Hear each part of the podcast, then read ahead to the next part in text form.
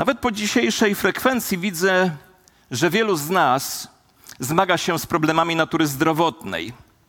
Jednym nie, nie, nie funkcjonuje odpowiednio ciało, innym siada psychika, a jeszcze inni cierpią lub nie domagają duchowo. Taka jest rzeczywistość większości z nas i nie ma co temu zaprzeczać. Gdy poruszamy ten temat, temat zdrowia, to nie możemy pominąć faktu, że z Bogiem można rozmawiać i to rozmawiać na każdy temat, także na temat naszego zdrowia i naszego samopoczucia. Ta możliwość jest darem od Boga, który pozwala nam być w stałej relacji z Panem Wszechświata, który jest absolutnie wszechmogący, bezgranicznie miłujący i sam między innymi przedstawia się nam: Ja jestem Jahwe, Twój lekarz. Tę rozmowę z Bogiem nazywamy modlitwą, a praktykując ją pogłębiamy nasze poznanie Najwyższego, a jak mówi apostoł Piotr, Jego boska moc obdarzyła nas wszystkim, co jest potrzebne do życia i pobożności, ale otrzymujemy to dzięki poznaniu tego, który nas powołał w swojej własnej chwale i wspaniałości. Modlitwa jest darem, a będąc darem, nie musi być dla nas ciężarem. Bóg, który w Jezusie Chrystusie stał się naszym Ojcem, pragnie, żebyśmy z, nie, z Nim rozmawiali i do takiej rozmowy sam nas zaprasza. I mając to na uwadze, spójrzmy dzisiaj na kolejny fragment listu apostoła Jakuba, piąty rozdział, wiersze od 16 do 18.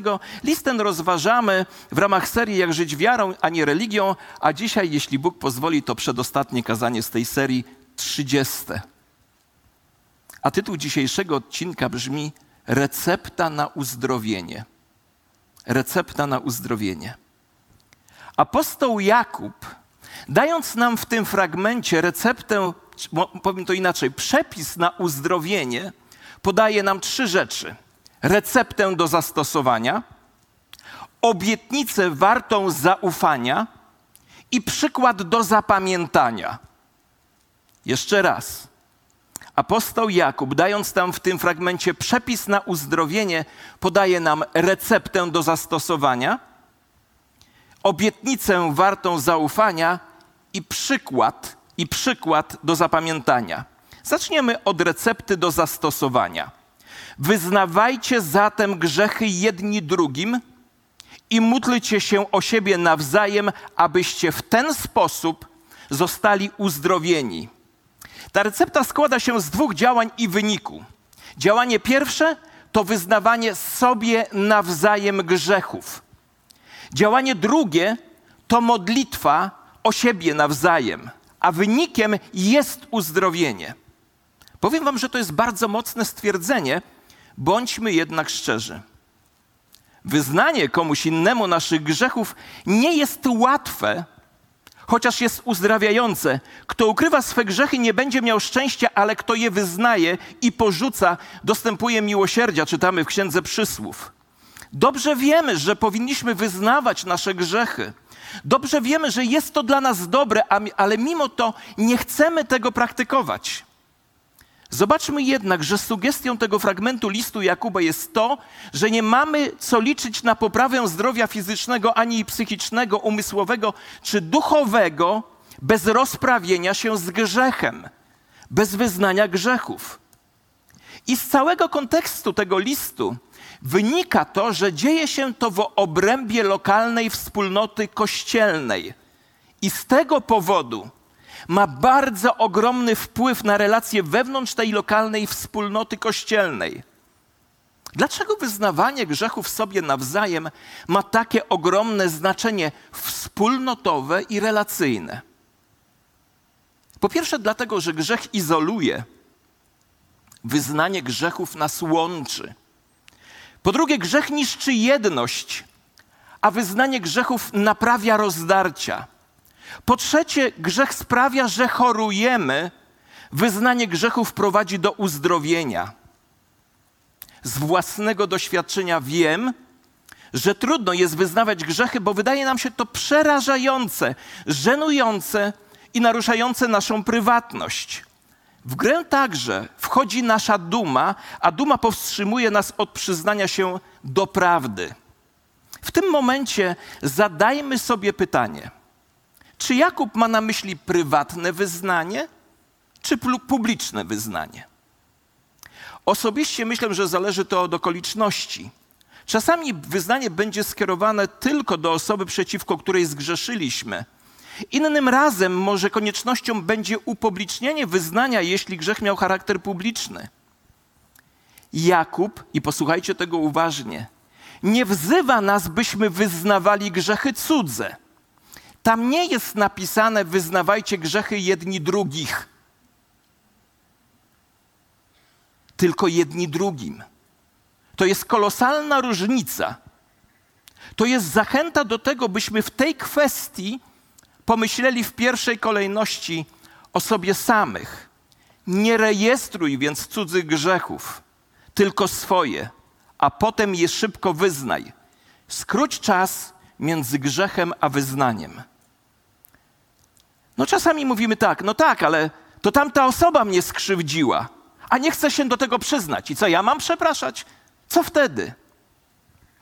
Wtedy zajmij się wyznaniem swoich grzechów, a resztę zajmie się sam Bóg. A teraz posłuchacie świadectwo człowieka, dla którego, którego przywilejem jest dla mnie znać jego historię życia. Posłuchacie bardzo mocnego świadectwa, krótkiego, człowieka, który był, nad którym się znęca, znęcał własny ojczym. Ale posłuchajcie, bo to dotyczy tego punktu, przecież to oni mnie skrzywdzili, dlaczego to ja mam zrobić? Posłuchajcie uważnie. Chciałbym Wam, kochani, opowiedzieć sytuację, która miała miejsce, kiedy miałem 17 lat. Bo to były to moje urodziny. Wiedziałam, że mama kupiła piękny tort i że ten tort czeka w domu. Kiedy wróciłem do domu, zostałem swój tort e, z wielką dziurą w środku, zbitą jakby ktoś wbił pięści. Ojczym, który siedział na kanapie, zaczął coś krzyczeć, przeklinać, był pod wpływem alkoholu. Szedłem do siebie na, do pokoju, na który znajdował się na poddaszu i bardzo byłem smutny. I pomyślałem sobie, że znów coś będzie się działo. Chwilę później usłyszałem, jak moja mama woła o pomoc.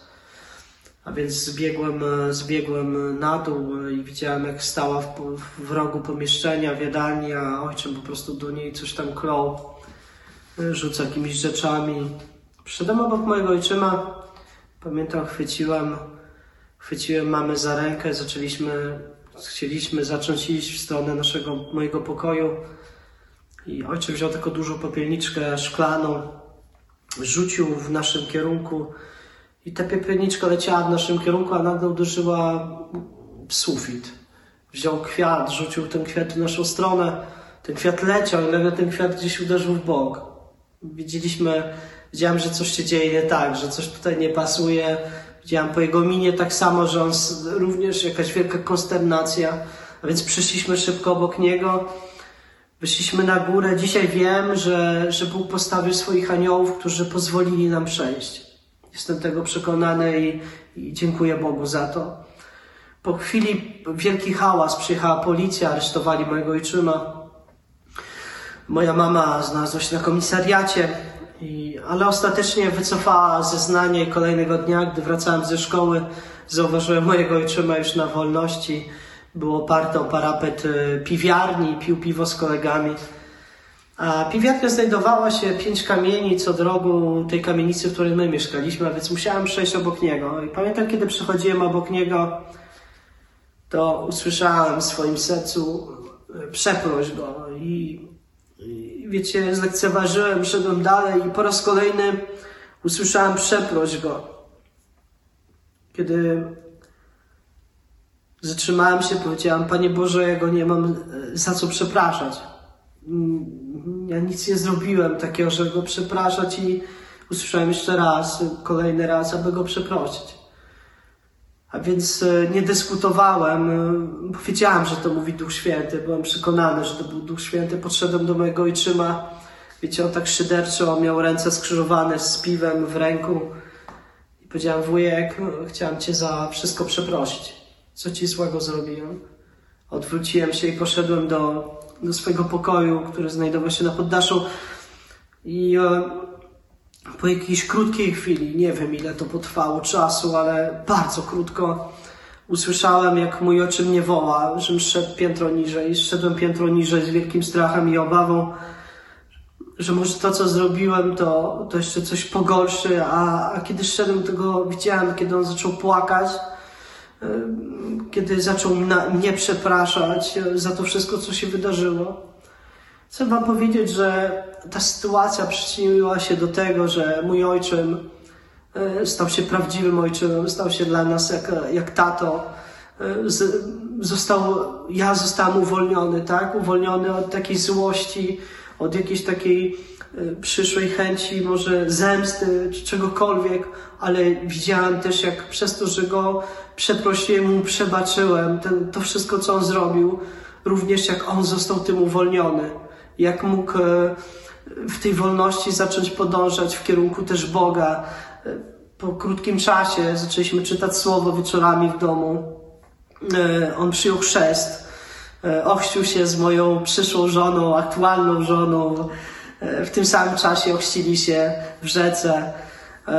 I to jest właśnie świadectwo, którym chciałem się podzielić, żeby zawsze, kiedy Duch Święty coś prosi zrobić, żeby to zrobić, choć nawet jeśli tego nie, nie, nie rozumiemy, warto jest Mu być posłusznym. Dla mnie to świadectwo jest bardzo wzruszające. Ja miałem okazję usłyszeć, usłyszeć na żywo. Łukasz mi powiedział od tego momentu. Stał się dla mnie prawdziwym ojcem, a wszystko, co dzisiaj umiem, umiem dzięki niemu. Łukasz, to wszystko się działo w Brukseli, w Belgii. Łukasz jest pastorem Kościoła Polskiego w Belgii. Był tu, modliliśmy się. Ale zadajmy sobie pytanie, co się stanie, jeśli nie zastosujemy podanego przez Jakuba przepisu na uzdrowienie, czyli wyznanie grzechów plus modlitwa. Jeśli tego nie zrobimy, skazujemy się na poczucie winy, na izolację, smutek, gniew, frustrację, utratę zaufania, zerwanie więzi, a nawet nienawiść do samego siebie. I posłuchajcie, wyznajemy grzechy sobie nawzajem po to, aby później razem się modlić. Wyznajemy grzechy sobie nawzajem, aby potem razem się modlić, bo wyznaje toruje drogę do modlitwy. W przeciwnym razie na drodze modlitwy wyrastają przeszkody. Ktoś podsumował to tak. Jakub przedstawia Kościół jako wspólnotę wierzących, w której jesteśmy wystarczająco blisko, aby być szczerymi i wystarczająco otwartymi, aby być prawdziwymi. Kiedy tak się stanie, może nastąpić prawdziwe uzdrowienie. Musimy być świadomi, że żyjąc tutaj na ziemi uczestniczymy w nieprzerwanej walce duchowej. Nie toczymy bowiem walki przeciw krwi i ciału, ale przeciw zwierzchnościom, przeciw władzom, przeciw rządcom ciemności tego świata, przeciw duchowemu złu na wyżynach niebiańskich, a nasz przeciwnik diabeł, jako lew ryczący, krąży szukając kogo by pożreć. Diabeł będzie z nami walczył na każdym kroku. Posłuchajcie tego z całą uwagą. W walce z, z, nami diabeł nie tylko używa różnego rodzaju rządz i pokus. On z lubością używa także wstydu i poczucia winy za to, co zrobiliśmy, a jedna z myśli, którą nam wbija do głowy, brzmi następująco. Gdyby tak inni dowiedzieli się, co ty zrobiłeś, w ten sposób wpycha nas do ciemnego lochu strachu i straszliwej obawy, że ktoś dowie się prawdy o nas i będziemy zrujnowani. A nasza sytuacja, kochani, nie ulegnie poprawie, dopóki nie zdecydujemy się zrobić wszystko, aby być czystymi przed Bogiem. Nie możesz mieć czystej twarzy, jeśli jej nie zdecydujesz się umyć. Pamiętaj, diabeł nienawidzi gdy, gdy chrześcijanie wyznają swoje grzechy. Ktoś powiedział tak: Jesteś tak chory, jak Twoje złe sekrety. a jeśli masz ich wiele, to jesteś poważnie chory. Jakub zapisuje nam receptę na uzdrowienie, a zapisanym przez niego lekarstwem na dręczące nas tajemnice i związane z nimi chorobami, czyli lekarstwem na przyczynę i skutek złego samopoczucia czy choroby, jest wzór, który można znaleźć w czytanym przeze mnie wersecie 16. Wyznanie plus modlitwa równa się uzdrowienie. Wyznanie plus modlitwa równa się uzdrowienie. Tak brzmi prosta recepta Jakuba, a w zasadzie recepta samego Boga, który w Jezusie Chrystusie zmarł za nasze grzechy, w Jego ranach jest uzdrowienie i zmartwychwstał, aby wstawiać się za nami. Chcecie być zdrowi? Chcecie być zdrowi? Wyznawajcie grzechy jedni drugim i módlcie się jedni za drugich. Prawda jest jednak taka, że gdy grzeszymy, wszystko w nas krzyczy: ukryj to. Wiecie, w Ewangelii Jana w czwartym rozdziale czytamy o niezwykłym spotkaniu Jezusa z samarytańską kobietą przy studni, z której ona czerpała, spragniona czerpała wodę. I podczas tego spotkania Jezus skierował jej wzrok na żywą wodę, na obietnicę żywą, żywej wody, która zaspokoi jej wszelkie pragnienia, najgłębsze pragnienia jej duszy. Poruszona tymi słowami, spragniona normalnej wody Samarytanka powiedziała do Jezusa: Daj mi tę wodę żywą. Wówczas Jezus w odpowiedzi na, tej, na jej prośbę powiedział tak: Idź, zawołaj swojego męża i wróć tutaj. I ta prośba sprawiła, że ta kobieta poczuła się niekomfortowo. I powiedziała zdawkowo: Nie mam męża. Wiecie, to była prawda, ale prawda częściowa. Inaczej mówiąc, tak naprawdę chciała ona ukryć faktyczny stan, nie, nie będąc świadoma tego, że Jezus to i tak zna doskonale. A prawda była następująca. Kobieta ta wcześniej miała pięciu mężów, a obecnie mieszkała z mężczyzną, który nie jest jej mężem. A Jezus zna tę prawdę. A kochając tę kobietę, oferuje jej życie wieczne. Na tym właśnie polega łaska, na tym polega miłość. Prawdziwa miłość, prawdziwa miłość oznacza poznanie prawdy o kimś innym i wyciągnięcie mimo wszystko do niego pomocnej dłoni. Tylko ktoś, kto Cię naprawdę kocha, może spojrzeć na Twoją przeszłość ze spokojem, z miłosierdziem, bez wy wyrzutów i bez odrzucenia. I efekt tego spotkania Jezusa z Samarytanką jest niesamowity. Posłuchajcie, wielu Samarytan z tego miasta uwierzyło dzięki świadectwu kobiety. Powiedział mi wszystko, co kiedykolwiek uczyniłam. I zobaczcie, gdy jej sekrety zostały ujawnione, kobieta została uwolniona, bo ona w południe szła czerpać wodę, żeby nikt z miasta jej nie zauważył, bo była wyklęta. Ale to, że przeżyła uwolnienie, doprowadziło do odważnego zaświadczenia o Jezusie i do przebudzenia w całym tym mieście. Szczęściem jest nie mieć nic złego do ukrycia. Jeśli jesteś gotowy, aby pozbyć się swoich złych sekretów i po tym prosić o modlitwę, to możesz zostać uwolniony, możesz zostać uzdrowiony. Taka jest właśnie recepta do zastosowania. A teraz obietnica warta zaufania. Modlitwa sprawiedliwego może odnieść wielki skutek. Ten fragment można wyrazić w następujący sposób.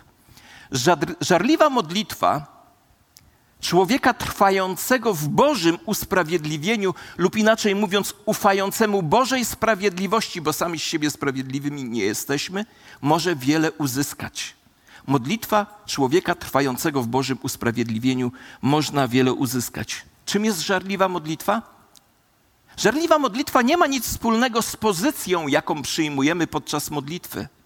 Nie ma też nic wspólnego z barwą, intonacją czy ekspresją głosową, a nawet z tym, czy Twoje oczy są zamknięte czy otwarte. Myślę, że dobrym obrazem tego, czym jest żarliwa modlitwa, jest następująca historia. Podczas pewnego spotkania modlitewnego zrozpaczeni rodzice, których dziecko umierało, poprosili Kościół o modlitwę. Kościół zaczął się modlić, ale w pewnym momencie pastor tę modlitwę przerwał i powiedział: Kochani, nic się nie stanie. Nic się nie stanie, dopóki każdy z nas nie zacznie się tak modlić, jakby chodziło o jego własne dziecko. I po tych słowach modlitwa Kościoła się zmieniła, a na wyniki tej modlitwy nie trzeba było długo czekać. Poznaliśmy już model do zastosowania, obietnicę wartą zaufania. Czas więc na przykład, na ilustrację wartą zapamiętania. Eliasz był człowiekiem takim jak każdy z nas. Modlił się on usilnie, żeby nie padał deszcz i nie było deszczu na ziemi przez trzy lata i sześć miesięcy.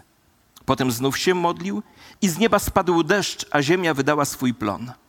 Niesamowitym jest dla mnie stwierdzeniem, że Eliasz, którego, którego przykładem posługuje się Jakub, jest nazwany człowiekiem takim jak każdy z nas. A wiecie, jakim był człowiekiem? To był człowiek wzlotów i upadków. Był raczej szorstki, a ogłada nie była jego wiodącą cechą. Szczerze mówiąc, był nieprzewidywalnym człowiekiem pełnym skrajności. Miał raczej dość porywczy temperament, a również skłonności do depresji i zniechęcenia. Dlaczego więc Jakub posługuje się nim jako wzorcem do naśladowania dla nas? Jakub podaje go jako wzorzec, ponieważ pomimo swoich ludzkich słabości był człowiekiem modlitwy, który chodził z Bogiem pośród pokolenia bardzo złego i w bardzo moralnie i religijnie trudnych czasach. I choć był niedoskonałym człowiekiem, był także człowiekiem modlitwy i ogromnej wiary, i dlatego czytamy o nim w Biblii. Wiecie, kiedy Eliasz był w najlepszej formie, ściągnął ogień z nieba i pokonał 850 fałszywych proroków. A kiedy był w najgorszym stanie, przebiegł przez pustynię i ukrył się w jaskini górskiej i nie chciał żyć. Kiedyś dzieliłem się historią, gdy Eliasz położył się na ciele zmarłego dziecka, modlił się i Bóg przywrócił go do życia. No dzisiaj to nie do pomyślenia, żeby tak ktoś zrobił. Tak czy inaczej, Eliasz nie był nadludzkim człowiekiem przewyższającym nas. Tak jak my w swoim życiu, tak on doświadczał całego wachlarza, często bardzo skrajnych emocji. Tak sobie myślałem, czy chciałbym mieć takiego Eliasza w kościele. Wiecie, to jest taki gość, który mówi: Służę dzisiaj Bogu, halleluja, i dwa tygodnie jest nakręcony, a potem dwa lata go cały kościół niesie, bo już jest zmęczony. Taki był Eliasz, taki jak ja, każdy z nas. Doświadczał radości, smutku, zwycięstwa, porażki, frustracji, uniesienia, zachęty, zniechęcenia, gniewu, przebaczenia, rozpaczy, ulgi. Wiecie, zwykle patrząc na człowieka, to my mamy tendencję do widzenia pasma samych sukcesów. I w to stawia nas w obliczu nadmiernej gloryfikacji. Albo dostrzegamy pasmo samych niepowodzeń i to stawia nas w obliczu niebezpiecznej degradacji. Wiecie, wszyscy bohaterowie Biblii, oprócz Pana Jezusa, mieli swoje słabości, ale Eli a Eliasz nie był wyjątkiem. I to jest jeden z powodów, dla których taki człowiek nas pociąga. Bóg wykorzystał go pomimo jego słabości. Po swoim największym zwycięstwie Eliasz uciekł, a Bóg musiał go znaleźć i przywrócić mu zmysły. I wtedy użył go ponownie. Ta historia to jest nasza historia. To historia każdego z nas, bo każdy z nas w jakimś momencie życia uciekł przed jakąś presją. I nikt z nas przez cały czas nie jest silny. A historia Eliasza jest naszą historią, ponieważ Bóg Eliasza jest również naszym Bogiem. I tak jak szukał Eliasza, tak samo nieustannie szuka Ciebie i mnie. Odnajduje nas, wzywa, upomina, zachęca, odnawia, a potem zleca nam wszystko od nowa. Jakub chce, abyśmy pamiętali, że ten niedoskonały mąż Boży modlił się i deszcz przestał padać. Potem znów pomodlił się, a niebiosa otworzyły się i spadł deszcz z nieba, kończąc trzy i półletnią suszę. Skoro Bóg wysłuchał modlitw Eliasza, z pewnością wysłucha naszych. Wiecie, czasami patrzymy na jakąś potrzebę modlitewną i wydaje nam się zbyt wielka, ale Przecież kiedy się modlimy, przychodzimy do wszechmogącego Boga, Stwórcy nieba i ziemi i całego wszechświata, który wszystko trzyma w swoich rękach. Dlaczego więc nie poprosić o to, czego potrzebujemy? Mój ulubiony kaznodzieja powiedział tak: Nie ma dodatkowej opłaty za duże prośby. I zakończenie. Jak zatem zastosować ten fragment w praktyce? Posłuchajcie. Wyznawajmy nasze grzechy jedni drugim. Módlmy się razem, aby Pan Bóg nas uzdrowił. Módlmy się żarliwie, ponieważ te modlitwy przyciągają serce Boga. I pamiętajmy o Eliaszu i prośmy Boga o to, czego potrzebujemy. Módlmy się z ufnością, oczekując, że Bóg odpowie na nasze modlitwy. Nie, nic nie jest zbyt wielkie, by o to prosić. Nic nie jest zbyt wielkie ani zbyt małe, żeby o to prosić. I nic nie jest zbyt trudne dla Boga. Jeden z moich ulubionych satyryków, satyryków, nie mam akurat tego zapisanego, teraz mi się to przypomniało, w takim krótkim wierszu powiedział tak: Modliłem się do Boga długo i gorąco, a Bóg wyjrzał za chmur i gradobić i odpowiedział: Niech Pan się pomodli w przyszłym miesiącu, może coś się da załatwić. Nasz Bóg tak nie działa. Bóg słyszy Ciebie. Bóg zna Twoje serce. Jest Ojcem kochającym. Ma najlepsze pragnienia dla naszego życia. Zobaczcie, ja często to powtarzam przy różnych okolicznościach, że Jezus przychodząc na ten świat powiedział, że pragnie, abyśmy my wszyscy mieli życie i to życie w obfitości. Dlaczego więc nie rozprawić się dzisiaj z przeszłością? Wyznać grzechy Bogu w ten sposób, że wyznamy osobie, która potem będzie się modlić za nas. Myślę, że większość z Was tego nie praktykowała. Ja praktykowałem to kilka razy w moim życiu. Pierwszy raz miałem 10 lat, to była przed pierwszą moją komunią. Możecie podważać teologiczny sens takiego doświadczenia, ale pamiętam to. Pamiętam, że miałem się wyspowiadać. To było dla mnie straszne. Dzisiaj sobie wyobrażam, że dla dzieci to może być bardzo traumatyczne przeżycie. Nie wchodzę w teologię, ale ja od dziecka rzeczy traktowałem duchowe bardzo poważnie. Poważnie się do tego przygotowałem. Nawet rozmawiałem o tym z moją mamą, co powiedzieć, o czego nie. Ale chciałem się rozprawić z tym wszystkim, co mnie jako dziesięciolatka dręczyło. Powiecie, a co mogło cię dręczyć? To, że kradłem rodzicom pieniądze, że popalałem, że oszukiwałem. To mnie dręczyło. Pamiętam, poszedłem do tej spowiedzi i pamiętam ten dzień, kiedy wracałem stamtąd. Nie chcę wchodzić w teologiczne rzeczy. Ja tylko wyznałem. Nie wierzę w to, że jakiś człowiek może mi odpuścić i tak dalej, że to w tym rzecz. Nie, nie. Rzecz w wyznaniu szczerym. Pamiętam, że jak wyszedłem z budynku kościelnego, wiecie co pierwsze zrobiłem? Wszedłem na drzewo. Czułem się tak lekko, jakby ktoś ze mnie ciężary zdjął. Czułem, że frunę w powietrzu. Czułem się wolny. Drugi raz zrobiłem to, kiedy pojawiłem się, szukając Boga, trafiłem do kościoła w Olsztynie. Byłem przygnębiony tym, że z jedną rzeczą w życiu nie jestem w stanie się sam uporać. Była dla mnie krępującą sprawą. Ale po nabożeństwie podszedł do mnie jeden starszych tego kościoła. Mam nadzieję, że ogląda, bo czasami widzę, że lajkuje. Wiesław, jeśli jesteś, jestem Ci za tę modlitwę wdzięczny. Otworzyłem przed nim serce. Powiedziałem mu o czymś bardzo wstydliwym i przykrym dla mojego życia, coś, co mnie obciążało. Nie potępił mnie, nie podzielił się tym z innymi, położył na mnie swoje ręce, pomodlił się i przyszło uwolnienie. Drugi raz zrobiłem to, będąc pastorem w Ciechanowie, opowiadałem wam, zrobiłem całą listę rzeczy, z którymi nie jestem sobie w stanie dać rady, które mnie obciążają i dałem drugiemu człowiekowi. Bałem się, że stracę jako wielki krzyż pastor w oczach jego, ale nie straciłem. Pomodlił się o mnie, odwdzięczył się mi tym samym. Zrobiłem to także tutaj, w tym kościele, bo nie chcę uchodzić za kogoś, kim nie jestem. Nie jestem gigantem. Upadam. Wiecie, wielu patrzy na mnie przez mój dar, ale moja żona zna to, co jest istotą, czyli mój charakter. Cudowny zresztą charakter, prawda? Wyznawajmy tedy grzechy jedni drugim. A osoba, której wyznajesz, jest zobowiązana do, w cudzysłowie, do tajemnicy spowiedzi. I módlmy się jedni za drugich, bo taka modlitwa przynosi uzdrowienie, którego pragniesz.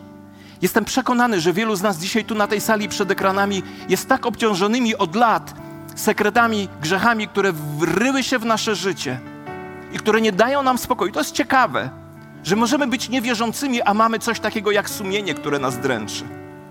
Jesteśmy obciążeni, boimy się, ale to jest droga ku wolności i ku uzdrowieniu. A posłuchajcie, że ten Bóg, który według mocy działającej w nas może uczynić o wiele obficiej ponad to wszystko, o co prosimy albo o czym myślimy. Jemu niech będzie chwała w Kościele przez Chrystusa Jezusa po wszystkie pokolenia na wieki wieków. Amen. Modlimy się do Boga, który może daleko więcej. Zapraszam wszystkich liderów modlitwy. Wyjdźcie teraz tutaj. Będą stali pojedynczo, dzisiaj nie stoją grupami, ale wiem, że to wymaga odwagi. Dzisiaj będziemy mieli taką modlitwę właśnie o tych z Was, którzy bez skrępowania, z odwagą podejdą do jednej z tych osób i być może wyznają swój grzech po to, żeby dostąpić uwolnienia, tak oczekiwanego. Będzie, będą się modlić też o inne kwestie, inne sprawy. Możecie podchodzić, nie czuć się, że ktoś inny pomyśli, że aha, to jak ktoś wychodzi, to znaczy, że to potworny grzesznik, bo witam, bo tu wszyscy na sali są potwornymi grzesznikami, jeśli tego nie czujemy, to tak jest, bo tak Biblia o nas mówi, ale Bóg chce nas usprawiedliwić i przynieść wolność. Więc dzisiaj w każdej innej kwestii możesz wyjść i prosić Boga o modlitwę, ale w szczególny sposób chcę Was zaprosić dzisiaj do modlitwy wyznania grzechów i modlitwy o uzdrowienie, uwolnienie. Powstańmy wszyscy. To samo możecie zrobić dzisiaj w swoich mieszkaniach. Możecie wyznać sobie nawzajem w atmosferze rodziny, a ile jeśli nie, to po nabożeństwie, po spotkaniu możecie się z kimś umówić, z którymś z liderów i to uczynić. Wiem, że to wymaga odwagi, ale dzisiaj może być dla Ciebie dzień totalnej wolności, absolutnego uzdrowienia, ponieważ Bóg to mówi w swoim słowie: wyznawajcie grzechy jedni drugim, módlcie się jedni za drugich, abyście byli uzdrowieni i teraz zapraszam tych z Was, którzy potrzebują takiej modlitwy. Wyjdźcie bez skrępowania. Nie wyjdź z tego miejsca z ciężarami swymi. Przyjdź, modlimy się. Nikt Cię nie potępi, a tajemnica nas obowiązuje.